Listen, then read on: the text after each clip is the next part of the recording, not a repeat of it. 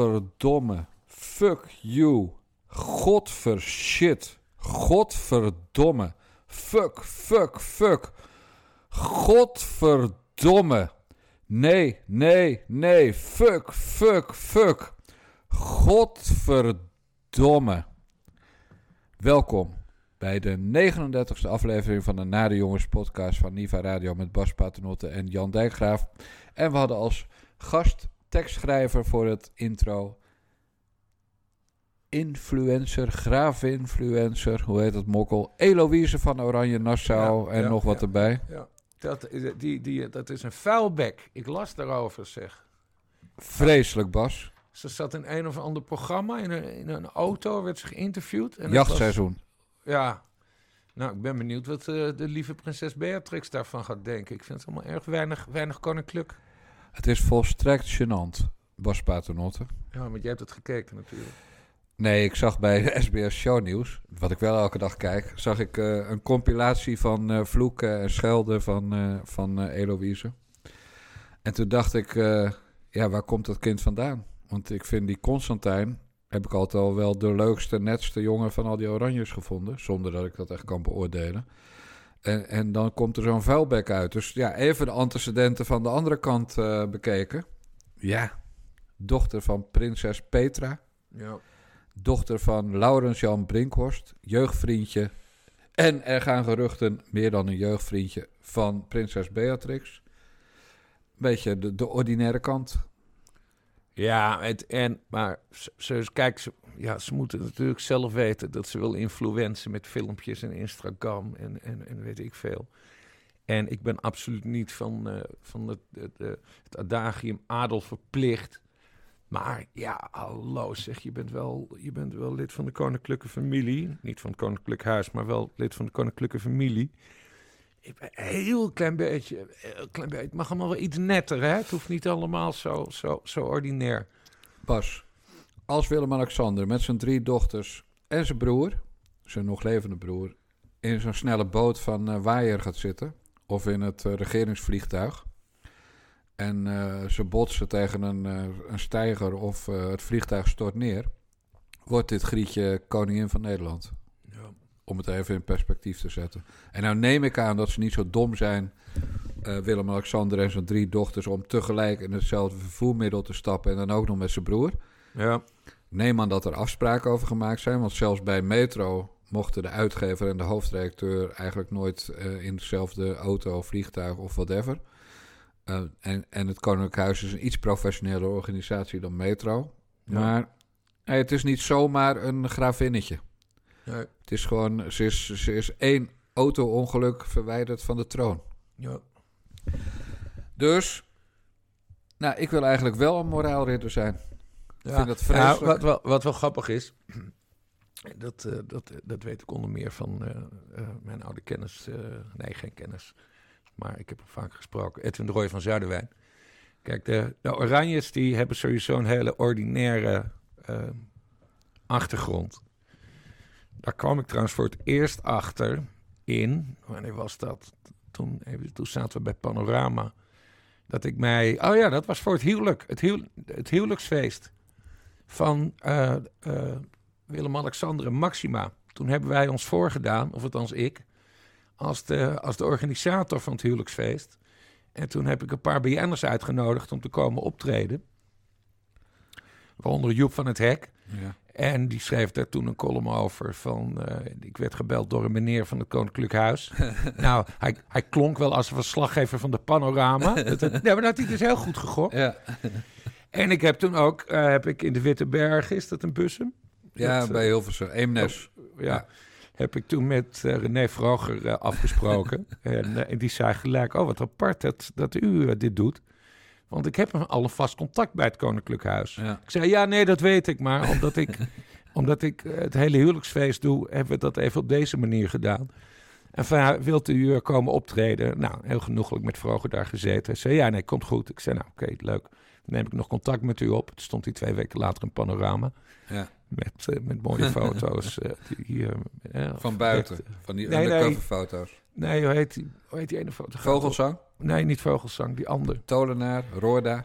Roorda. Ja. Die, had, die had net een kind. Dus die, had, die, die was aan een ander tafeltje gaan zitten met zo'n zo'n kinderding. Waar Ja, ja. dan zo'n baby in ligt. En daarachter had hij weer zijn camera gelegd. Ja. Maar goed, later ontmoet ik dus ook Edwin de Roy van Zuiderwijn. Die ik heel vaak heb geïnterviewd. En die mij natuurlijk ook altijd wel wat vertelde over het Koninklijk Huis. En die had een fantastisch verhaal dat er op een, op een eh, familiefeest René Vroger wederom aan het optreden was. En dat trok de Roy van Zuiderwijn niet heel erg goed. Eh, dus het is toen op de gang gaan staan. en wie kwam even later ook op de gang staan? Toen nog koningin Beatrix. Ja, ja. En toen hebben ze nog heel genoeglijk samen een wijntje gedronken. En waren ze overeengekomen dat, eh, ja, dat die René Vroger toch niet helemaal een ding was. Maar bij de rest van de Oranjes dus wel. Dus het zit erin. En dat is een beetje overgeslagen op, eh, op deze grafin, ben ik bang. En ze heeft dunne lippen. Oh, daar heb ik niet op gelet. Nee, dat, vrouwen met dunne lippen, daar moet je altijd voor uitkijken. Oké. En ze is 19, Sander Schimmelpenning, dus ik mag dit zeggen. Ja. Hè? Voor we weer gedonder krijgen. ja. En, en ze, ze, heeft wel wat, ze heeft wel wat weg van, van de prinses van Oranje. Hè? Ze heeft ook zo'n bolle toet. Ja, absoluut. Ja. Dunne lippen, bolle toet. Dat, ik weet, dat is niet goed, denk ik. Nee, maar dunne lippen is het ergst. Meestal is dat trouwens in combinatie met een gewone toet, zoals jij dat noemt. Ja. ho- hoofd zou ik zeggen. Ja. Maar eh, dunne lippen, bolle toet gebeurt niet vaak. Nee, dunne lippen deugt niet. Nee, oké. Dus En waarom dan niet eigenlijk? Om dezelfde reden als voorvoetlopers. Niet deugen. Het geeft een, eh, een karakter bloot. Precies. Ja, ja, ja. ja. Dit heb ik ooit van een lipoloog gehoord, Bas. Maar hier gaan we, hier gaan we het verder niet over hebben. Maar goed, vanwege deze gravin, die dus geen prinses eh, genoemd mag worden, maar wel zomaar na een eh car crash of een vliegtuigongeluk koningin genoemd zou moeten worden. Daarom hebben we vandaag een fuck, fuck, fuck special. En die beginnen we natuurlijk met het vragenuurtje van vandaag, dinsdag 23 november. Dit soort informatie horen wij niet te moeten opvragen. Dit hoort niet via journalisten naar ons te komen. Dit horen wij te krijgen. Want problemen in ICT-systemen, waardoor mensen hard geraakt worden, die kunnen we dan samen opsporen als de Belastingdienst of het ministerie van Financiën te dom, te blind, te naïef of te laconiek is over de gevolgen van hoe zij omgaan met mensenlevens. Dat was natuurlijk Renske Leijten. En die ging voor de verandering een keer over de pis. Nou ja, kijk, Renske Luit is natuurlijk eh, is, is sowieso wel een vurige, vurige eh, volksvertegenwoordiger. Maar ze had nog wat vragen over, over het ongoing eh, eh, belastingschandaal waar we in, eh, in zitten. En ze wilde dus dat de minister van Financiën, Wopke Hoekstra, naar de Kamer kwam. maar die kwam niet, eh, omdat hij eigenlijk niet verantwoordelijk is. Want Alexandra van Huffelen van D66, de staatssecretaris, die is eh, verantwoordelijk. Uh, maar daar nam Renske Leijten geen genoegen mee.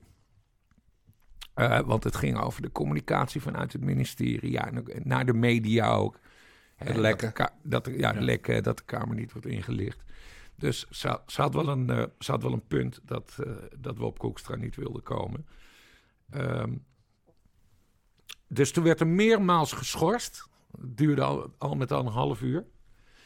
En uiteindelijk zei uh, Vera Bergkamp, de Kamervoorzitter...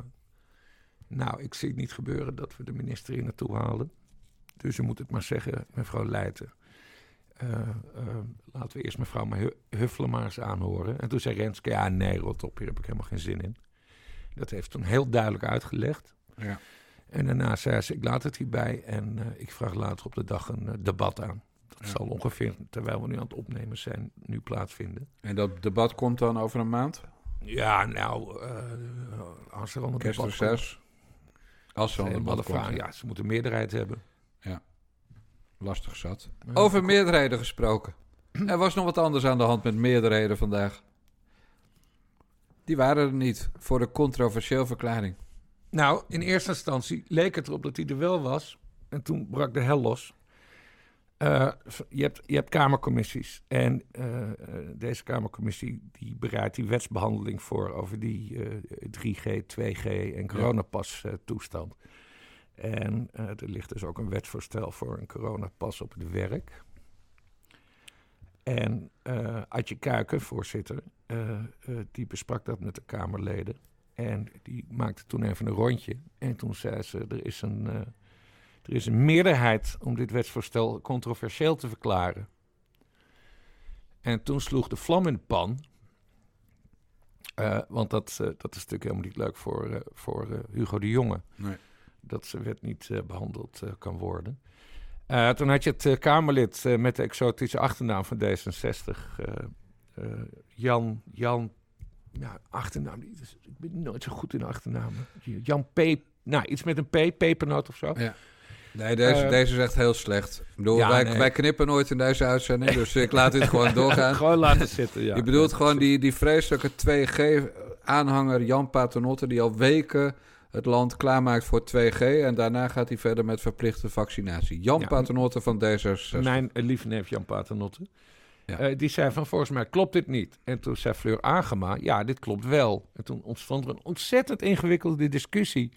waarvan ik zelf niet eens precies weet hoe het, hoe het zit. Maar in zo'n commissievergadering heb je, uh, heb je uh, tellen het aantal leden aanwezig. Ja. Dus er waren twintig leden aanwezig of zo. Wat heel veel is voor een commissie. Exact. En ja. dat is dus dan het trucje, hè? want dan proberen mensen hun, hun, meerderheid op die manier te behalen. Maar we zitten ook onder een coronaregime. En volgens dat coronaregime uh, is de bedoeling uh, dat je dat dan niet op die ledenmanier doet, maar dat je gewoon het doet per partij. Ja. Nou ja, en dan, en dan, en dan, en dan kun je dus ook meerderheden creëren. En daar gingen, daar gingen uh, Fleur Agema en Paternotte dus over steggelen. En toen moest, uh, moest Adje Kuiken wederom, net zoals later dus op de dagtijdsvraag gebeurde, uh, ook meerdere keren schorsen. En uiteindelijk bleek toch dat Adje Kuiken een fout had gemaakt. En dat ze niet het reglement van orde voor zo'n commissievergadering goed had gevolgd. En dat de wet dus alsnog niet controversieel uh, verklaard wordt. Uh, waardoor er over gepraat uh, gaat worden in de Kamer en dat hij en dan door de Kamers heen moet. En dan zal het ongetwijfeld een, een meerderheid krijgen. Ja, dan gaat het gewoon door, want de vier coalitiepartijen en Volt en Lijst Den Haan gaan akkoord. Ja, nou, de ChristenUnie was volgens mij weer tegen. Dus de PvdA neemt de plaats van de dus. Dus iemand, iemand neemt de plaats in. Ja. Geval, het wordt wat rekenen, maar ik, ik begrijp dat het gewoon, door, gewoon doorgaan kan, uh, kan vinden. Doorgaan kan vinden? Dat is dus iets te makkelijk gezegd. Nee, dat, dat, uh, dat, onze grondrechten inderdaad worden aangetast, bedoel je? Ja, nee, maar ja, goed, je weet, ik ben de tegenstander van de coronapas. Ik ben blij dat ik er niet in loondienst zit. En, en dat mijn baas dat zou dan, of mijn baas dan verplicht zou worden mij met een coronapas te laten werken. Het lijkt me de hel. Ja.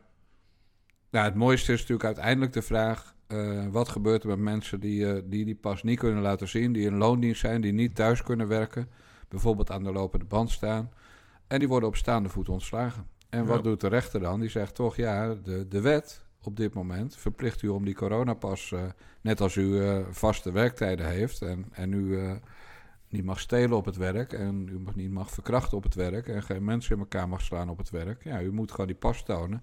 Anders dan voldoet u niet aan de verplichtingen in uw arbeidsovereenkomst. En dan mag uw werkgever u ontslaan. Dat is wat er gaat gebeuren. Ja. En dat hebben, hebben die vier coalitiepartijen en, of in elk geval drie, als ChristenUnie niet meedoet, en Volt en Lijst Den Haan, hebben dat dan mooi veroorzaakt. Stel ja. je teringhonden. Ja. Godverdomme, fuck, fuck, fuck, godverdomme. Nee, nee, nee, fuck, fuck, fuck. Oh, godverdomme, Bas. Ja. He, ik had weer een uh, Eloïse momentje. Lekker is dat hoor, voor iemand die van zijn moeder altijd te horen heeft gekregen. Is dat nou nodig, Jan? Nee, maar stukjes? je bent nu aan het citeren. Dus dat, Precies, dat, citaatrecht. Ze had dat moeten begrijpen als, als ze nog ja. had kunnen luisteren. Ja, helaas. Maar goed. Ik vind het wel erg. Ik vind het echt erg. En ik vind het ook erg dat je nu al kan uittekenen dat de volgende stap de verplichte vaccinatie is. Behalve voor mensen die een medisch attest hebben dat ze niet gevaccineerd mogen worden. Ja. En nee, we worden allemaal in onze, in onze medische integriteit, in onze privacy, in, in, we worden in alles aangepakt. Alles wat wij al die tijd al gezegd hebben, Bas, komt stapje voor stapje dichterbij. Gaat allemaal. En als jij dan denkt van ik ga een keer in de trein 5000 kilometer van Nederland, hè, omdat ik naar een leuker land wil. Weet je wat er dan na 4000 kilometer gebeurt?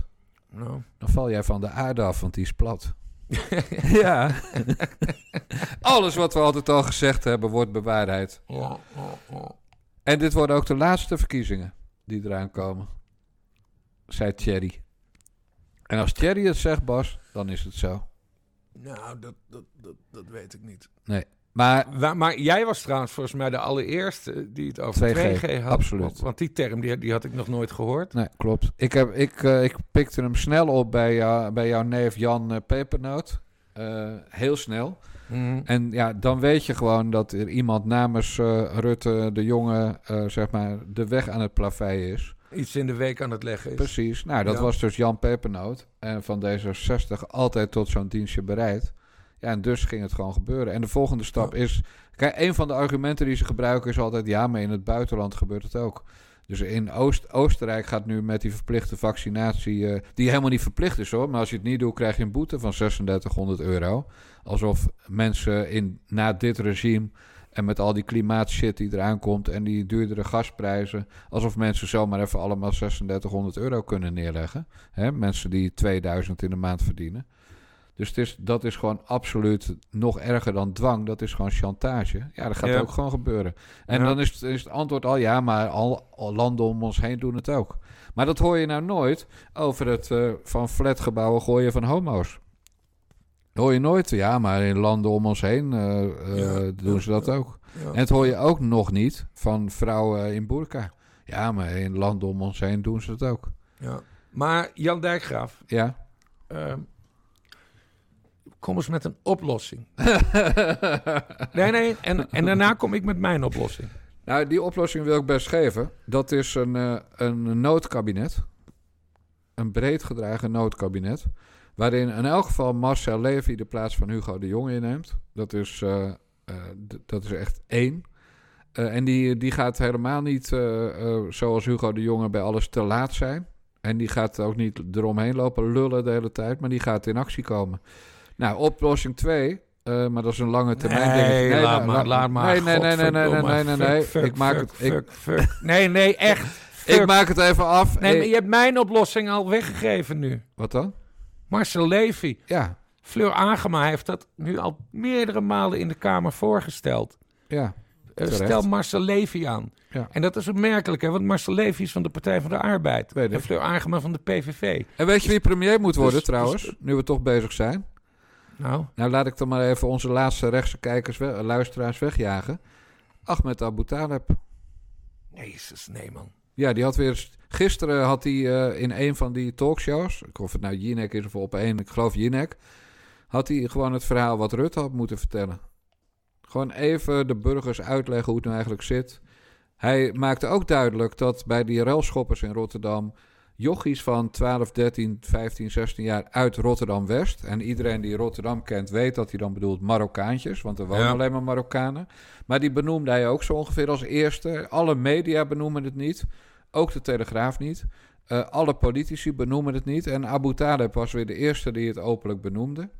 Eh, dus wat die man ook allemaal geflikt heeft... en wat hij ook in zijn focustijd over Theo van Gogh heeft gezegd... waar iedereen dan elke keer weer mee komt... Als Ahmed Abu Taleb, en ik heb het denk ik al eerder gezegd, ik weet het wel zeker, leider van de PvdA wordt, dan levert de PvdA bij de volgende verkiezingen de premier. Ja, Maar dat wordt geen PvdA zoals eh Ploem hem leidt. nee. En dan, eh, dan mag hij eh, Lodewijk Asscher in, eh, in het kabinet zetten. Ja, ik zou dan juist Lodewijk Asscher weer als premier willen zien. En dan maken we Abu Talib, maken we minister van, van Justitie en Veiligheid. Ja, ook goed. Ja, maakt mij het uit. Ja, jezus man, we zijn gewoon een heel PvdA-kabinet aan het samenstellen hier. Ja, en dan Fleur Agema, die mag dan staatssecretaris op, gezond, op volksgezondheid worden. ja, nou echt man, we zijn Ja. bijna rond. We zijn ja. het eens ook, hè? En wat doen we met Rutte? Ehm, ja, die wordt dan gewoon, eh, die wordt gewoon minister van Staat dan. En Elkak? Ja, we nu geen kaag in het kabinet hoor. Oeh. Nee, dat, dat bedoel ik. Maar, maar de vraag is, hoe ver gaat ze weg? En, en hebben ze daar wifi? En hebben ze daar vliegtuigen? En hebben ze daar auto's? En, en, en stroom en water? Ja, die, we maken er wel ergens ambassadeur of zo. Weet ik veel. Ja, maar wel wegwezen. Ja. Nou, dan hebben we nog Sjoerd W. Sjoerdsma die we moeten lozen. Ja, die moet sowieso uit de politiek. Die moet uit de politiek. Nee, maar goed, het is wel jammer hoor. Want Fleur Agem heeft het nu al meerdere keren Ja. serieus voorgesteld. En, en het is... Ik weet niet of Marcel Levy de oplossing is. Maar hij komt heel gedegen over. En als je hem ziet praten, dan heb je... De, je hebt echt het idee, die man heeft er verstand van. Eh, hij is ook hoogleraar en internist. En hij heeft, eh, weet ik veel... Ziekenhuizen geleid. Elf ziekenhuizen Ja. geleid. In Londen. Ja, en dan heb je Hugo de Jonge, de lagere schoolleraar. Dus En een halfjaartje. zo'n moeilijke keuze is het niet. Nee, maar dat, dat hij lagere schoolleraar is, dat wil ik nog voor lief nemen. Maar die man is zo vreselijk fout. Ja. Zoals je zou, als je het kort wil samenvatten, is het een intens slecht mens. En ik neem hem nog altijd heel erg kwalijk dat hij al die oudjes in eenzaamheid heeft laten stikken in de eerste fase van de coronacrisis. En omdat Ja. de zorgmedewerkers geen beschermingsmiddelen eh, mochten, mochten hebben. Mochten Ja. hebben, zo was het. Er komt nu een, eh, ik krijg nu zo'n flashbericht binnen van een van de medium. Daarom is het jammer dat, eh, dat we niet live kunnen uitzenden. Maar goed, daarom is het een podcast en geen radio. Maar de verplichting voor de anderhalve meter afstand gaat 24 november weer in. Verplichting. Ja. En die hadden we niet. Nee, die hadden we niet. Het, was, nu, het dat- was nu een verzoek, maar het wordt nu weer de verplichting. Dat is dus, Anderhalve van, meter dat is dus afstand de dag dat wij dit uitzenden. Dus, dus do- Ja, woensdag. oh, ja wel woensdag. actueel. Ja, verdomd. Hartstikke actueel. Hartstikke actueel. Op het moment dat mensen dit horen en ze, ze houden geen anderhalve meter afstand. Tribunaal, doodstraf. Tribunaal. Ja, Kapot. Ja. Nou, dat was een bruggetje. Luister. Het is niet zo gebruikelijk dat ik vanuit mijn persoonlijke emoties spreek, maar het doet mij ontzettend veel verdriet dat ik zie dat mijn oprechte zorgen, en die zijn heel oprecht en die zijn serieus en die zijn inhoudelijk en die zijn helemaal niet gericht op goedkoop politiek gewin, want ik heb zo'n beetje mijn hele erfenis van mijn politieke partij geriskeerd op dit punt. Ik geloof dit tot in het diepst van mijn ziel. Dat ik aan de goede kant sta. En dat, dat hier sprake is van een verstandsverbijstering. Dat het helemaal verkeerd gaat wat we aan het doen zijn. En ik heb alles wat ik had, heb ik geriskeerd om dit punt te kunnen maken. Om dit verhaal te kunnen vertellen. Dus het is niet waar dat dit goedkoop politiek scoren is. Het is ook zeker niet waar dat dit ons in de peilingen zoveel populariteit oplevert. Het is ook niet waar dat dit nou zoveel pluimen oplevert in de pers enzovoorts. Men wil mijn partij verbieden. Men wil mij opsluiten. Men noemt mij staatsgevaarlijk. Noem het dan maar op. Jullie kijken me allemaal met de nek aan. Maar ik blijf dit doen op deze manier. Omdat ik oprecht geloof dat ik gelijk heb. Dat dit de waarheid is. En dat de Nederlandse bevolking afstevend op een nachtmerriescenario. En dat we er moeten stoppen daarmee. Daarom doe ik dit. En ik heb geen andere motieven dan dat. Nou, wij kunnen geen podcast maken als Na de Jongens zonder dat Thierry Baudet genoemd wordt. Eh, en jij was volgens mij niet aangenaam verrast door de Twitter-hashtag Baudet is gevaccineerd of Thierry is gevaccineerd. Vond jij niet goed? Nee. Leg uit. Ja, dat is gewoon fucking nepnieuws. Nee, En is een tweet. Ik, ik snapte ook niet waar het, eerst, waar het vandaan kwam. Maar toen kwam ik erachter dat de, de bron van alle ellende, dat is Diederik Ebbingen. Dat is die, die hele dikke gozer die zo'n nep-talkshow presenteert. Promenade. Promenade. Ja. En, En de eh, luizenmoeder. En, hij en, en de luizenmoeder. Wat hij heel leuk deed. Ja, ik kon er ook niet om, ik kon er ook niet om lachen. Ik vind het ook een lul. Maar ook lullen hebben soms goede grappen. Ja, nou, die grap die liep dus uit de hand. Want op een gegeven moment verscheen er de hele nep-teletekstpagina. Ja. En, eh, en toen moest ik wel lachen. Rudy Bauma, dat is een iets wat drammerige, drammerige figuur eh, van Nieuwsuur. eh, die wel altijd aan het factchecken is. en die wordt er dan vaak van beschuldigd dat hij alleen maar rechtse hoaxes exposed en niet linkse. Eh, die tweette gisteren, eh, dinsdag, eh, maandag. eh eh hoax-theorie is gevaccineerd, is trending. En dan eh, vertelt hij dus dat eh Diederik Ebbingen een van de aanstichters is. Eh, eh, en laat dat plaatje zien van die nepteletextpagina. En toen kreeg eh, Rudy Bauma opeens allemaal gezeik over zich heen. Van, eh, ah, doe niet zo flauw man, dat is hartstikke leuk, dit en dat, bladibla. En dan zie je dus hoe die, hoe die hypocriete lui opereren. Haal zo grap uit met, eh, eh, Sigrid Kaag. Nou, je wordt gesloopt hoor. En dan gaat iedereen zeggen: Oh, wat goed, Rudy Bouwman, dat je dat hebt ontdekt. Iemand heeft uh, Kaag gepersifleerd, of weet ik veel. Ehm, maar in dit geval was dat dus iets anders, want het gaat over Thierry Baudet. En dan blijkt, hè, want we weten, Thierry Baudet verspreidt nepnieuws. Ja. En in die linkse koppies is het dan oké om nepnieuws met nepnieuws te bestrijden. Ja, maar zo werkt het niet, lui. Of je bent tegen nepnieuws, of je bent ervoor. Ja, Bas, maar dit is geen nepnieuws. Dit is gewoon een grap. En wat is er nou mis met grappen? Nou, ik vond het geen, helemaal geen Ja, ik grap. vind het een goede grap.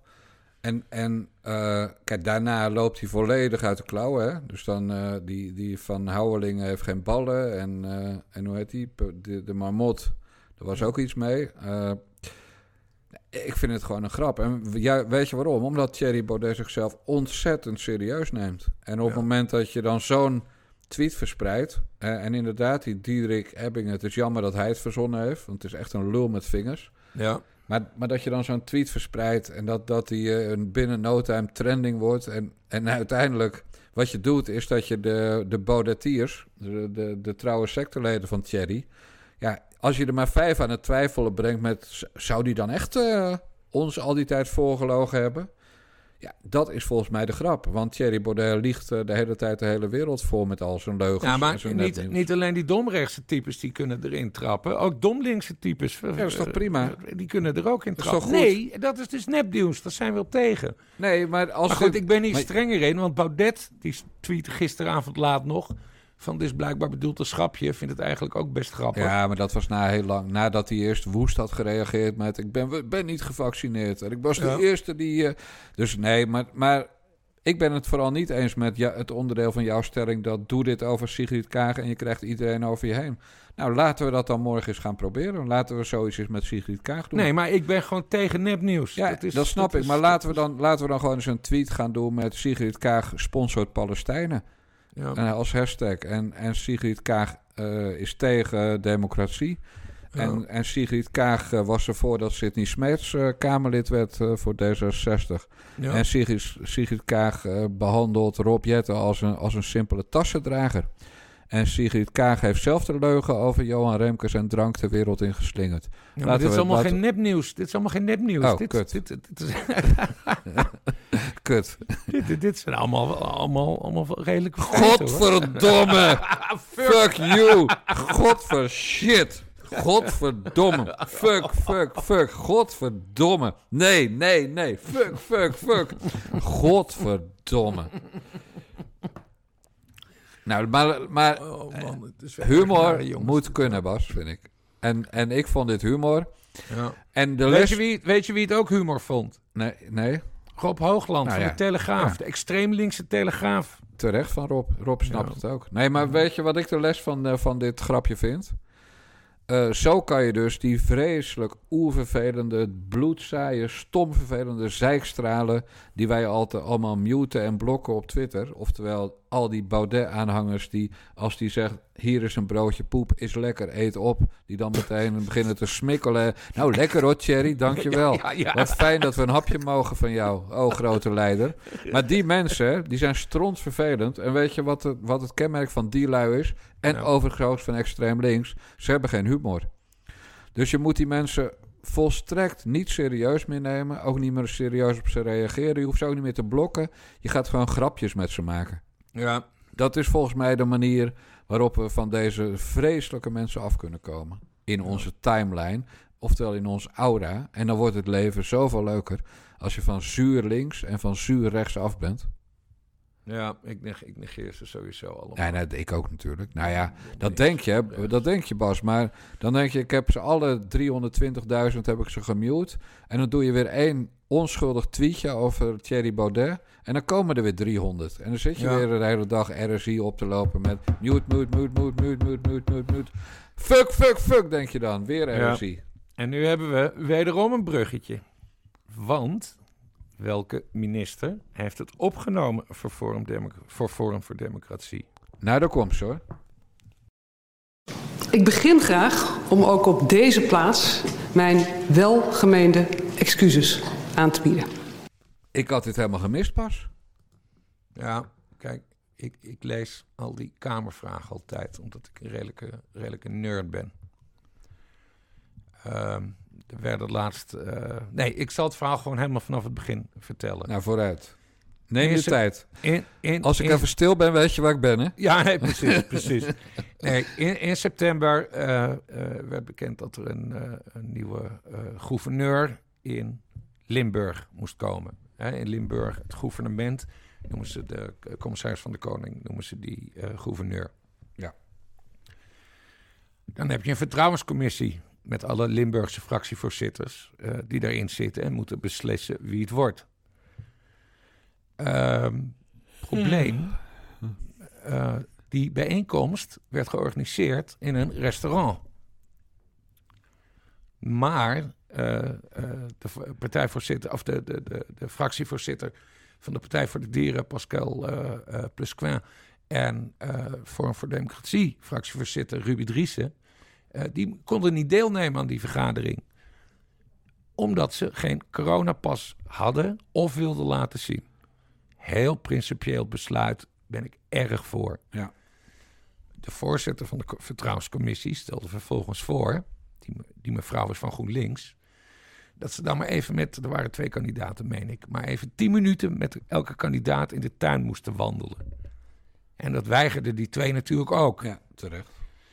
Eh, en dat leidde tot kamervragen eh, van de Partij voor de Dieren. En eh Ollongren beantwoordde die maandag. En die is heel duidelijk. Politici, volksvertegenwoordigers, moeten zonder coronapas kunnen vergaderen. Nou, vond ik heel goed van haar. Dus daar heb ik een stukje van getikt. En nu word ik al twee dagen lastiggevallen door allemaal lui met tempeltjes in hun, eh, Oh, in ding. Ja, maar dat zijn dus FVD'ers. Ja, dat snap ik. Ik ken het logo. Oh, belachelijk. Oh, die hoer van Ollongren. Oh, elite, elite, elite, elite. Nou, wat blijkt. En dat, dat, ik had dat vermoeden natuurlijk wel, maar ik wist niet dat het zo eh, breed, breed was. Die zien dat op Twitter voorbij komen. Eh eh Keizer Ollongren, politici moeten zonder coronapas kunnen vergaderen. En ik heb er een leuke foto van haar bijgezet met eh, trouwens best wel geile... geile Oh, god, man. ja, nou, je moet er straks maar even opzoeken. Maar hele geile hakken. Het zijn, ik weet niet. Bas, Killer. Ik heb begrepen dat bij de vereniging van necrofiel... Necro... hoe heet dat? Necrofielen. Ja, Dat, dat ze hoog op de lijst staat ja, als eh, target. Dus, dus het gaan er niet doen alsof Ollongren een lekker wijf is. Kom ja, op, ze valt sowieso niet op eh, mannen. Dat In is Linda zag ze er trouwens wel goed uit. Als ze hè? dood zijn, maakt dat niet meer uit, Bas. nee, maar kom op. Je, in Linda zag ze, er, eh, zag ze eruit, ja. Maar het had net zo goed een heel ander kunnen zijn. Ja. er was niks Ollongren meer aan. Het zat hele, helemaal ondergesminkt. Ja, ondergesminkt en Ja, Photoshop natuurlijk. Precies. Dat, ja, Nou, ja, maar goed, ga verder. Nee, maar gewoon dat domrechtse tuig. Die, Ja. die, gewin- die niet eens doorhebben dat Ollongren het opneemt voor hun eigen partij. Van, ik vind dat Forum voor Democratie, Ja. v- volksvertegenwoordigers, moeten kunnen vergaderen. Ook al als ze geen QR-code of een coronapas of whatever hebben. En, Ja. dat, en, daar, en daar, daar zijn we in Nederland ook heel consequent in. In de Tweede Kamer is dat ook niet verplicht voor volksvertegenwoordigers. En nu, eh, nou, dat schrijft ze ook in, die, eh, in het antwoord eh, op die Kamervragen. Van ja, ik ga hier ook met de andere overheden over hebben. Ik ga ze nog één keer uitleggen dat gewoon alle volksvertegenwoordigers mee moeten kunnen doen aan vergaderingen. Daar heeft, Heeft ze, het letterlijk, niks mee heeft ze letterlijk het woord volksvertegenwoordigers gebruikt? Ja, ja, nee, het gaat letterlijk over. over Dus niet over ministers? Nee, nee, nee, nee, maar het gaat ook helemaal niet over, over ministers. Nee, maar be- bedoelt zij dat alle politici... Uitgangspunt is vanzel- vanzelfsprekend dat volksvertegenwoordigers moeten kunnen deelnemen aan de beraadslaging. Ja, ja. Oké. Ja, nee, ik vraag dit zo nadrukkelijk omdat Ebru Umar, die we Ja. wel niet kennen als een nepnieuwsverspreider, vandaag eh, heeft gemeld dat ze een zeer betrouwbare bron heeft. Die meldt dat Vet Grapperhaus niet gevaccineerd is. Ja. Dus, eh, en die is geen volksvertegenwoordiger. Die is net zo ongekozen als die Hubert Bruls.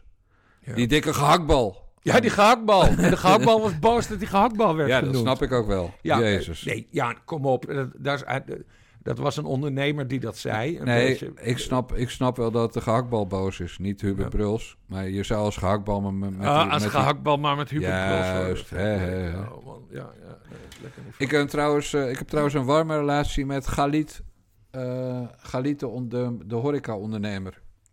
Sinds ik een, eh, een briefje schreef eh, over eh, hoe schandalig... wie was het?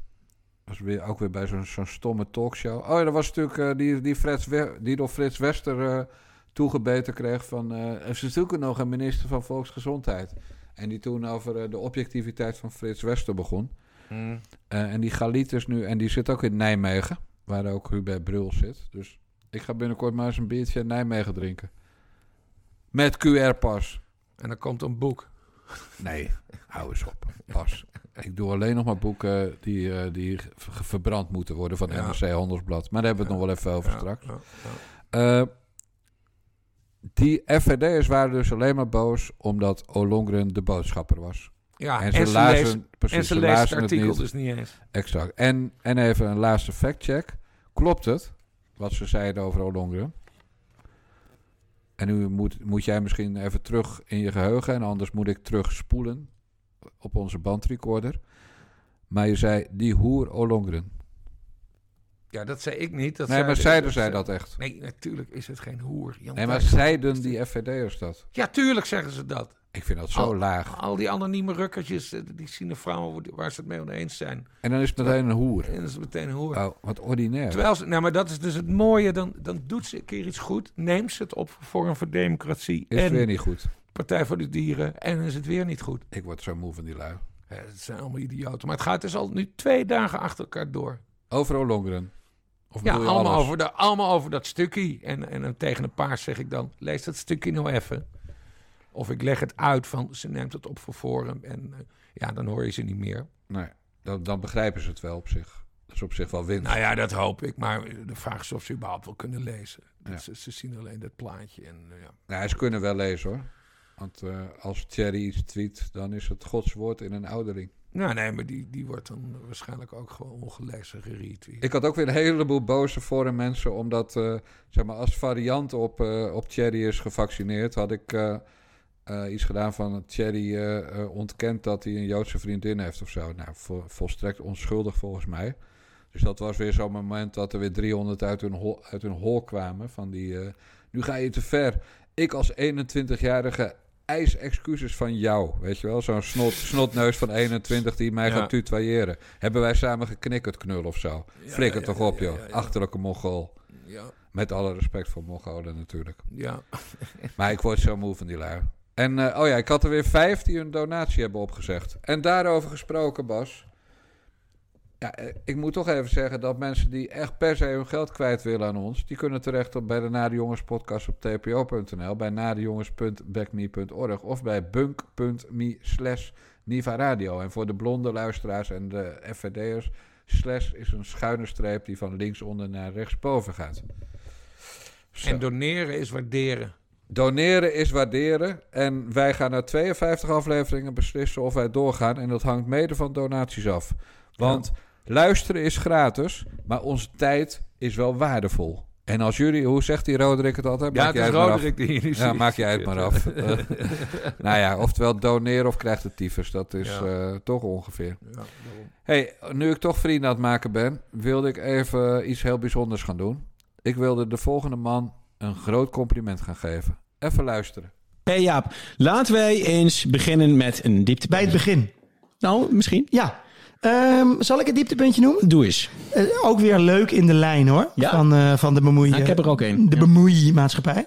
Nee, het viel mij weer. Het, het, ik, ja, we hebben natuurlijk de, de, er is veel over de prinsesjes gezegd. eh, de, Oh, er was veel om te doen, ja. Er was veel om te er doen. was veel om te doen. Christus. En, eh, en dat meisje, eh, is dat Alexia? Die De dan op lekkerste. tik- ja, die, ja, dat is wel een, een, een Ja, kunnen we niet omheen draaien. van de week. Schijnt arrogant te zijn. Ja? In Wassenaar wordt wel gezegd van ja, de- die, die loopt al wel buiten de prinsen, prinsenmeldjes. Nou, hier moet je dus even. Dat, dat, dat, is, dat, jij dat, dat- ja, dat zeg jij dus al.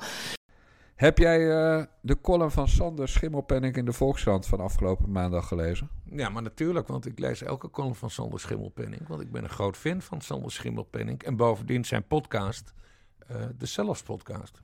Ja, dat weten we nou wel. Maar ik vind Schimmelpenning dus echt een lulletje met vingers. Hè? Dus ik wilde net de lul met vingers, Diederik Ebbingen. En dit is een lulletje met vingers. Dus eh, met zijn 1,56 moeten we het wel... dat is hij zelf dus. Ja. eh, moeten we het wel even eh, noem- benoemen zoals het is. Maar die column ging over Forum voor Democratie. En met die column was ik het hardgrondig eens, beste FVD'ers. Een uitstekende column van Sander Schimmelpenning. En vertel maar waarom, Jan Dijkgraaf. Nou, hij ging er uiteindelijk om dat Thierry Baudet een werkeloze was... die nergens aan de bak kwam en die zijn boekjes niet verkocht kreeg. En om die reden, nadat hij eh, een beetje had meegehobbeld... met het eh, Oekraïne-referendum van Jantje Roos en Badje Nijman... eh, ja, besloten de politiek in te gaan. Omdat hij wel had op tweedekamer.nl of overheid.nl even opgezocht hoeveel geld je dan krijgt en hoeveel, hoeveel vakantiedagen je hebt en hoeveel toeslagen dit en toeslagen dat. Dus hij dacht van nou, als ik mijn Oekraïne-referendum inbreng, die dus iets kleiner was dan die van Jantje Roos en Bart Nijman, maar als ik die te geldig ga maken, moet ik het vooral doen. Ja. En als ik dan na vier jaar de Kamer uitga, eh, als ik onverhoopt geen Napoleon van Nederland word, dan krijg ik lekker eh, twee jaar en, en vier maanden wachtgeld of zoiets. Ja. Dus hij eh, zat erin voor de poen en sindsdien doet hij dat hartstikke goed. Ledengeld, donaties en de handel van boekjes. Dat eh, gaat al, 80 80.000 euro aan royalties vorig jaar. die hij niet opgaf in het eh, register voor Kamerleden. Nee, nee, Eh, nee. En waar Pieter Omzicht zijn opbrengst van zijn boekje aan een goed doel geeft. Maar toen ik het allemaal las, want we weten dat ook allemaal wel, hè, dat, dat Thierry zijn zakken vult via FVD. En, en dat doen ze allemaal. De Robert Jensens doen dat. En, en al die andere Café Weltsmets probeert het. Maar dat lukt nog niet zo erg. Maar eh, ja, je kan gewoon geld verdienen aan complot eh, denken. Maar ik stuitte toen even op het feit dat onlangs de penningmeester van Forum voor Democratie is eh, vertrokken. En die kennen wij, Bas. Ja, want dat, dat was de, de baas van mijn baas, namelijk jouw baas. Silvio de Groot, de voormalige uitgever van Metro. Ja, hebben we het trouwens wel eens eerder over gehad in eh, De Nare Jongens. Prima vent om mee te werken. Eh, maar Silvio die was altijd wel een tikkeltje rechts. Eh, Ja. Dat Theo van Gogh werd aangetrokken als columnist bij Metro... was hij ook heel erg voor. Eh, en hij heeft ook nooit gezeurd over de columns van Theo van Gogh. En E-broertje was hij ook voor. Dus zo'n mannetje. En dat ik er een stuk of twintig links, eh, links aangehorigde columnisten uitgooide... was hij ook erg voor. Kortom, Silvio was een positief mens. ja, precies. Maar hij was ook een beetje een echte FVD'er. En eh, wij zagen hem opeens ergens in beeld op een, eh, op een filmpje... als een soort bodyguard van Thierry Baudet, twee Ja. jaar geleden. Hij Ja. bleek in de Staten van Zuid-Holland te zitten namens Forum. En hij werd opeens manager van het kantoor van Forum voor Democratie... en dus penningmeester. Ja. Nou, en bij die grote schoonmaak die Forum heeft gedaan... waarbij al die Freek Jansen-achtige JFVD-types naar boven zijn komen rollen... is dus zo'n JFVD-type op de plek van Silvio als penningmeester terechtgekomen. ja, en dat Eh. is Freek Jansen zelf. Nou, bedoel ik. Ja, erger heb je ze niet. Dus, Nee, dat- het is nu een heel klein bestuur. Het is nu, je hebt nu Thierry Baudet als, eh, Baudet als partijvoorzitter, Freek Jansen als penningmeester. En dan is er ook nog een vicevoorzitter, en dat is Joris van den Oetelaar. En dat was, als ik het goed herinner, het laatste statenlid in eh, Noord-Brabant dat zich niet heeft afgescheiden van Forum. ja, ja. En eh, dus dat is sowieso een ja-knikker. En eh Freek en Baudet, Freek en Thierry zijn natuurlijk goede vrienden. Dus hij heeft nu ook het, het, het, pa- het- het partijbestuur heeft hij volledig in, in handen. ja. Dus hij kan, mits hij een bonnetje geeft... uit de kas halen wat hij uit de kas wil halen. Ja. Even bot gezegd. Dus eigenlijk denk ik dat het wel tijd wordt dat Silvio de Groot eh, naar buiten treedt met wat is er nou gebeurd? Is Silvio eh, eh, eruit gegooid? Heeft, is Silvio tot inkeer gekomen? Zo, een beetje laat, maar zoals de Nanninga's en de Otters en noem ze allemaal maar op. Ja. Ja, of is Silvio gewoon, heeft hij te druk met andere werkzaamheden en heeft hij er geen tijd meer voor? Ja, nou ja, het was sowieso grote schoonmaak. Want de, de, de marmot, eh, Gideon Vermeijeren, die zat volgens mij ook in het bestuur. Nou ja, die is ook, eh, ook spoorloos verdwenen. Ja, maar daarvan gaat gerucht toch dat hij binnen een paar weken voor zichzelf gaat beginnen of naar een andere fractie overstapt? Ja, ik heb, daar, ik heb dat wel ergens gehoord, maar ik, ik zie daar nog niet echt aanwijzingen voor. Wie wil hem? Ik bedoel, hij is, min, hij is Nou ja, niet, dat, dat, dat sowieso. hij is niet, Baudet- niet minder extreem, toch? Dan Nee, Thierry. maar Baudet heeft er ook heel veel aan. Ja. Omdat hij, hij ligt heel goed en hij, kan, hij heeft het parlementaire werk heeft hij op zich wel onder de knie. Hij is ook wel aardig in het debat. Maar het, gewoon het enige probleem is natuurlijk... eh, eh, het moment dat Baudet zich bedreigd voelt... ja, eh, precies. of op zijn pik getrapt voelt omdat iemand iets populairder is... ja, dan kom je natuurlijk wel in het scenario van... en nu ga ik die, die mamot eruit gooien. Van Haga-scenario. Ja, en dan hebben we een, eh, weet ik veel, nog een nieuwe fractie erbij. Dan hebben we twintig fracties. oh, God. Ja, of, of hij gaat eh, eh, naar Van Haga. En hij, Ja. hij, hij zegt, ja, wat ik allemaal gezegd heb, was natuurlijk voor een deel onzin. Maar ja, moest van ome Thierry. Ja, nee, maar die Mamot die is ook inmiddels zo besmet. Dat, dat Van Haga, die... eh, Die wil hem niet hebben. Zelfs Van Haga wilde het niet. Nou, fractie nummer 20, waarom niet? Ja. Want er komt natuurlijk volgend jaar begint de eerste parlementaire enquêtecommissie. En dan eh, komen er toch verkiezingen begin 2023.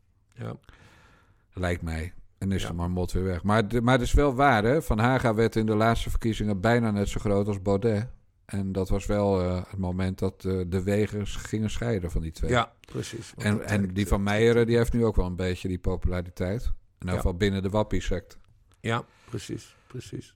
Dus dat is gewoon even, even afwachten. Ja, maar goed, ik vond het dus een eh puikenkolom van Schimmelpenning. En ja, ik, waar, ik, ik ga waar dat... Schimmelpenning aan voorbij gaat, is, is dat jaren geleden eh, de, de nog vorige penningmeester Henk Otte eh, natuurlijk al in, in interviews zei van ja, Forum voor Democratie, we zijn een mediabedrijf en die politieke partij die doen we erbij. Geld verdienen was altijd al de opzet geweest. Ja. Want Henk Otte die heeft ook heel veel geld uit de kas gekregen. Precies.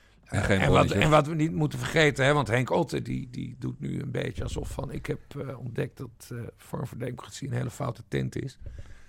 Eh, hij heeft in ieder geval zelf is hij verantwoordelijk voor de ondeugelijke boekhouding uit 2017. En misschien die van 2018, want hij ging een... Of ging hij in 2018 eruit? 19. 19. Ja, Ja. dan is hij in principe verantwoordelijk ook geweest voor eh, 2018. Ook al is dat een schemergeval. Maar in ieder geval over de eh, 2017, toen hij penningmeester was. eh, toen is hij ook, eh, of is de partij eh, berispt door eh, het ministerie van Binnenlandse Zaken. Ja. En bijzonder de Commissie Toezicht Financiën Politieke Partijen, de CTFPP. eh, die ook Longeren hebben eh, eh, geadviseerd om een bestuurlijke boete te geven van 25.000 euro. Ja. Omdat die boekhouding in 2017, 18, 19 kut was. En, Waar Olongeren trouwens niet aanging, hè? Tuurlijk nam, Ze het weer, nam ze het weer op voor Forum Ja. voor Democratie. ja, dus eigenlijk is Solongeren gewoon de mol. Ja. hey, maar wat, wat, wat Otte ook nog gedaan heeft, en dat is ook echt fout, is dat hij, ervoor, dat hij een ongelofelijke beschermingsconstructie eh, heeft opgebouwd, waardoor Baudet eigenlijk niet weggestuurd kan worden. Ja. Dus dat, en daar is, dat heeft Baudet niet zelf bedacht, dat, heeft, dat komt ook uit de koker van Henk Otte. ja, dat komt uit de koker van Henk Ja, Otte. dus Henk Otte heeft er ook, voor, heeft er ook uiteindelijk eh, zeg maar, het einde van Forum voor Democratie. Dat wist hij toen niet, maar dat heeft hij eigenlijk ook aan het begin al geanceneerd.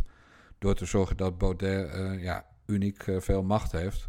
En Ja. daardoor is gebeurd wat er is gebeurd. Nou ja, het, is gaat, het gaat, het, vooral het slimste wat hij heeft gedaan is dat als, als de, de partijraad of de algemene ledenvergadering eh, beslissingen wil nemen, Ja. dus eh, zeg maar het partijbestuur overrulen, eh, dan moet een x-percentage Twee derde, opkomen. dacht ik, ja. en dan, Twee dus derde dan- opkomen en twee derde moet dan voorstemmen. ja, Zoiets dus dan, was het. Dan moeten er 25.000 mensen komen of zo. Ja, dat kan helemaal niet. Ik bedoel, Onze goede vriend Jan Benning zei gisteren heel blij dat, er een, dat het lidmaatschapsnummer inmiddels in de 90.000 zit.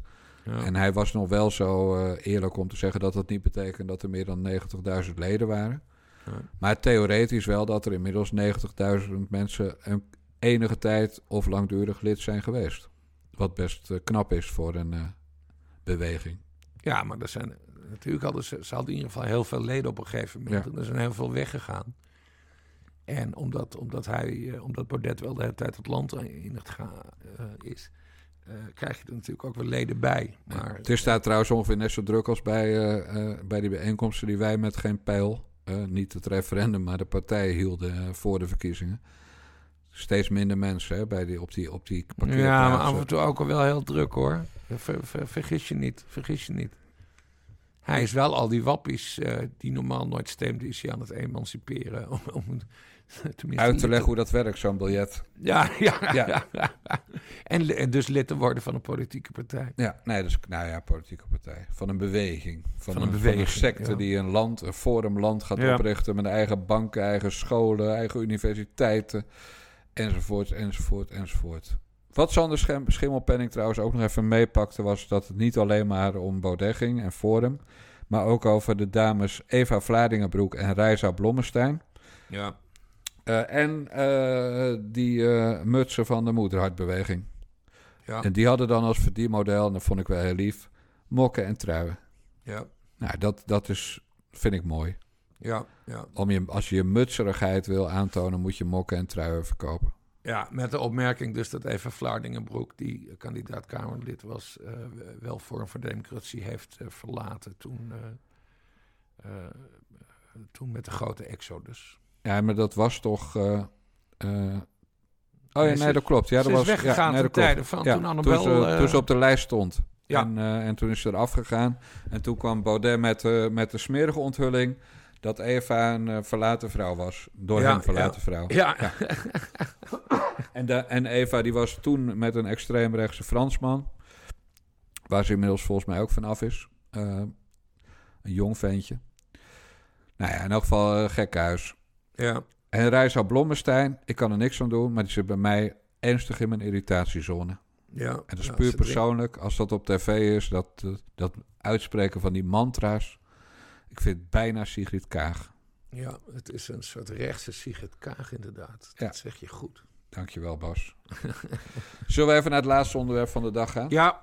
Er is geen meisje, er is echt geen meisje dat in de zomer op de fiets wil met een hoofddoek om. Je wil gewoon de wind in je haren voelen. Dat is vrijheid. Ik ben ook voor een boerkaverbod. Rot op joh, met je boerka. Ik heb wel eens drie van die pinguïns in de Hoofdstraat in Noordwijk zien lopen. Dat is toch niet normaal? Gewoon niet doen hier. Dat roept natuurlijk heel veel reacties. Ja, dat klopt. Dat klopt. zo- Ik heb net even Twitter gekeken en het is allemaal eh, van die kotsgezichtjes, van die groene.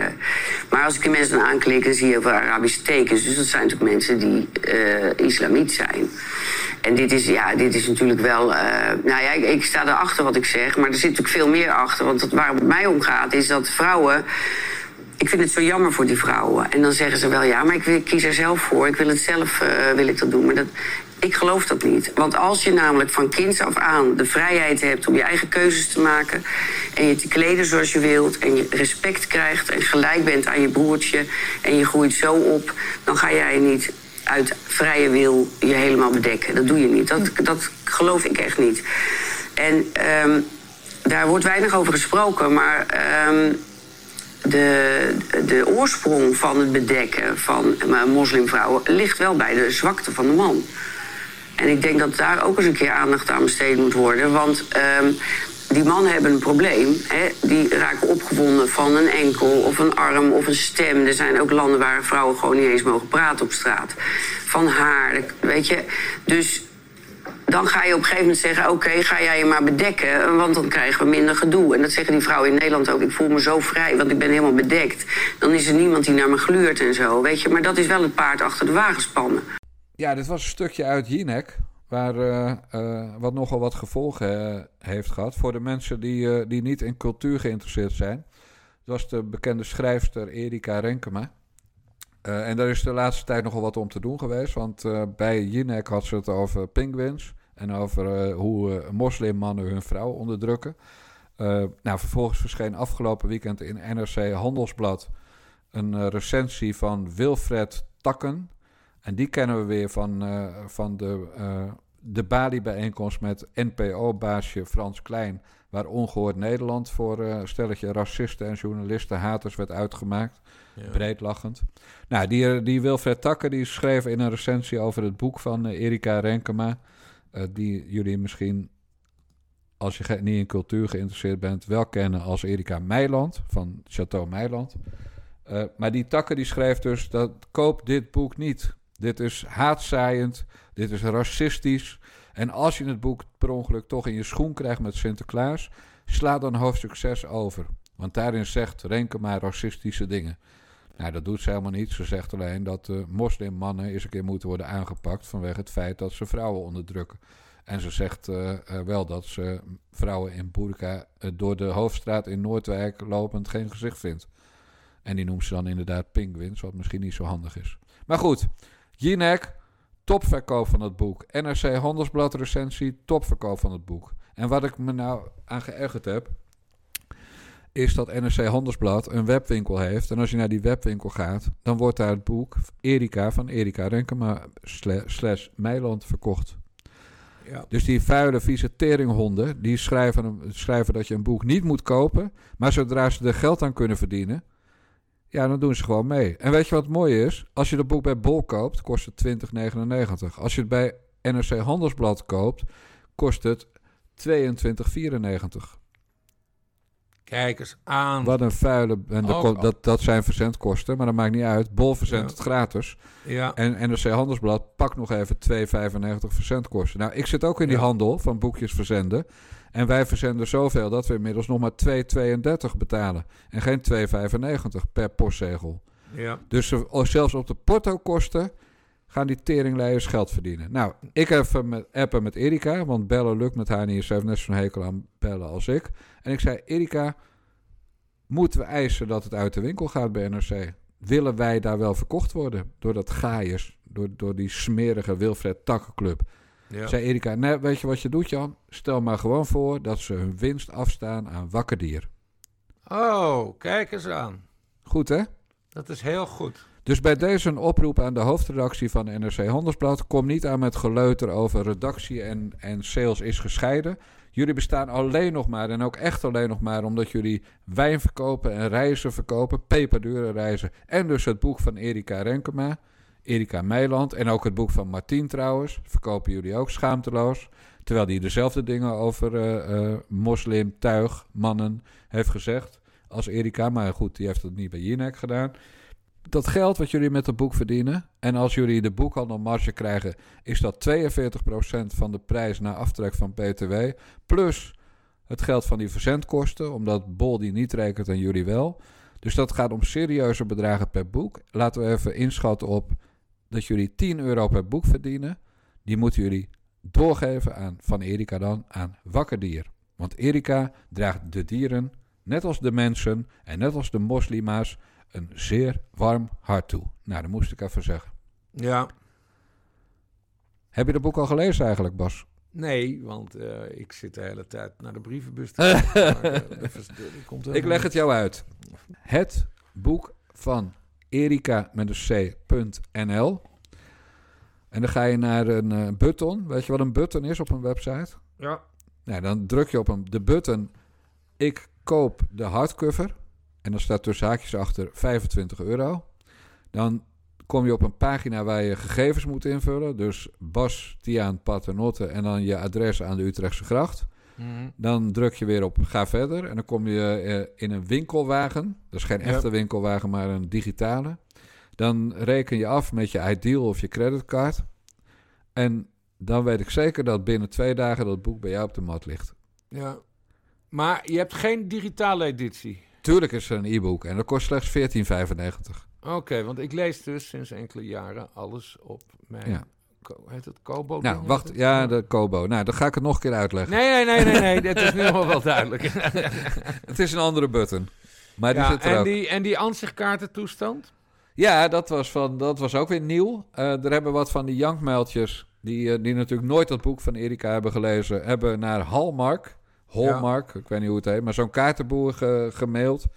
Dat ze willen dat, eh, dat die stoppen met de samenwerking met de Meilandjes. Want die brachten van die kaarten eh, uit met eh, nou, kerstkaarten en wijnen, wijnen en mij niet bellen, weet ik wat er allemaal op staat. Ja. Nou, en wat doet Hallmark? Die zonder overleg met de Meilandjes gooien die die actie offline.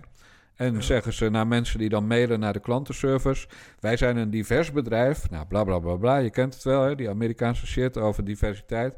En mensen die zich daar niet in kunnen vinden, willen wij niet als partner. Nou, Ja. nou heb ik van de Meilandjes nog nooit gehoord dat ze, te- dat ze tegen diversiteit zijn. Sterker nog, dat zijn ze helemaal niet. Eh, maar blijkbaar vindt Hallmark dat wel. Ja, maar dat is Ja. die hele, dat Dat die hele deugen, man. fucking cancel cultuur.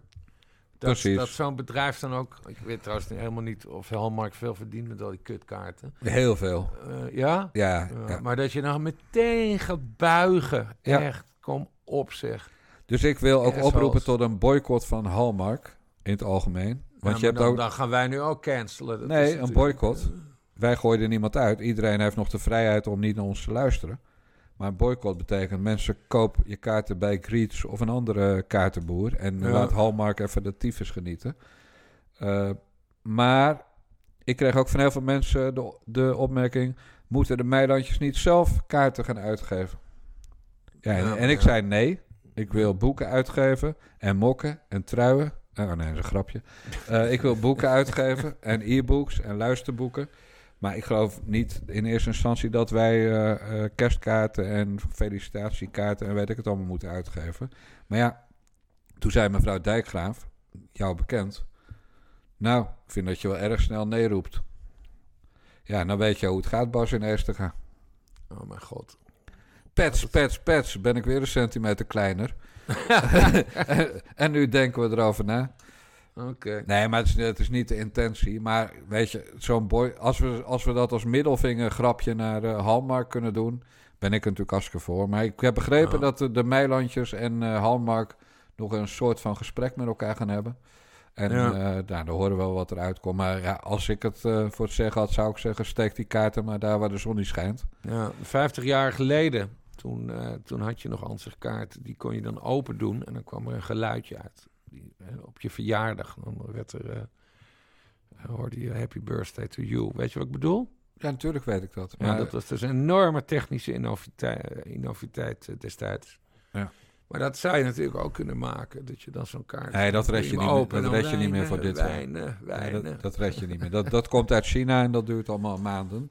Ja. Maar eh, ik ben helemaal niet zo van de kaarten. En ik moet aan de andere kant zeggen... Ja, als mensen je gaan uitdagen... dan, eh, dan, dan maakt dat wel iets in mij wakker. Alleen denk ik van... Ja. Ja, ik had toch een beetje een rustige decembermaand eh, voor ogen. Ik weet niet of ik nou in de, in de aanzichtkaartenhandel wil. Nee. We gaan het, we gaan het wel zien, joh. En, en misschien stapt... kijk, was wel grappig. Ik ken toevallig de CEO van Greets, dat andere bedrijf, die andere grote kaartenboer. Hmm. Oud collega bij managementteam. Eh Florence Smit, misschien ken jij er ook wel. De Nee. sales director toen. Nee, maar wel een geweldige kleine wereld. Dat je, Ja, maar goed. Dus ik denk, ik kijk even op haar LinkedIn. Dat deed ik dan gisteravond. Met, eh, toen ik dit hoorde van Hallmark. Van misschien moet ik eh, de meilandjes even doorsturen naar Florence. Maar Florence heeft dus in haar bio op LinkedIn staan... tussen haakjes she, her. Oh my God. Dus dan weet jij wel wat voor bedrijf Greets is. Jij mag Mag oh, het is allemaal zo polycor. En het, oh, En dat Florence Smit een she is en een her... Nou, dat weet iedereen nog bij het managementteam. Maar dat is cynisch of was het een lekker wijf? Nee, dat was een hele knappe dame. Oké. Een Française. Oh, Maar wel Nou, blond, nou- wel blond, dus niet onze doelgroep. noem die naam nog eens. Florence Smit en dan Smit op zijn Duits geschreven. S-C-H-M-I-T. Dus geen D op het D, T, maar T. Nou, dan ga, ga jij weer beoordelen of ik kan beoordelen of iemand een lekker wijf is. Florence Smit. S-C-H-M-I-T. Die heeft morgen heel veel Ah, is- bezoekers op de ze- Ze LinkedIn. is ook fotograaf. Nee, dat is een ander. Je moet zoeken op Greets en Florence Smit. Oh, die fotograaf die ziet er ook wel leuk uit. Oké, nou, Florence is... Jezus. Dames en heren, terwijl Bas Paternotte aan, het zo- aan het zoeken is, ga ik u alvast vertellen. En, eh, en je maakt hem zo af voor Bas. Ik wil ook horen of ik gelijk had dat het een lekker wijf is. Dit was de 39e aflevering van de Naar de Jongens podcast van Niva Radio. Ons website is nivaradio.nl. Doneren kan naar de Jongens podcast op tpo.nl via nadejongens.backme.org of via bunk.me slash nivaradio. Heb je tips, wil je ze overladen met complimenten of wil je inbellen? Stuur dan een voicebericht via WhatsApp naar 06. Ja, ik heb er, ik heb er, ik heb er. Blond, niet helemaal mijn ding. Prachtige ogen, mooi gebit. Heel fijn gezicht. Nee, leuke vrouw, leuke vrouw. Florence. Schmid met S-C-H-M-I-T. Toch? Zonder D, hè? Ja, nou, allemaal Nou, handen. allemaal zoeken, iets. mannetjes. FVD'ers, kom op. Zoeken. En, be- en ja, ze is dus hartstikke woke, blijkbaar, gezien haar bio. Dus allemaal lekker gaan schelden morgen op haar LinkedIn. Doei! Later.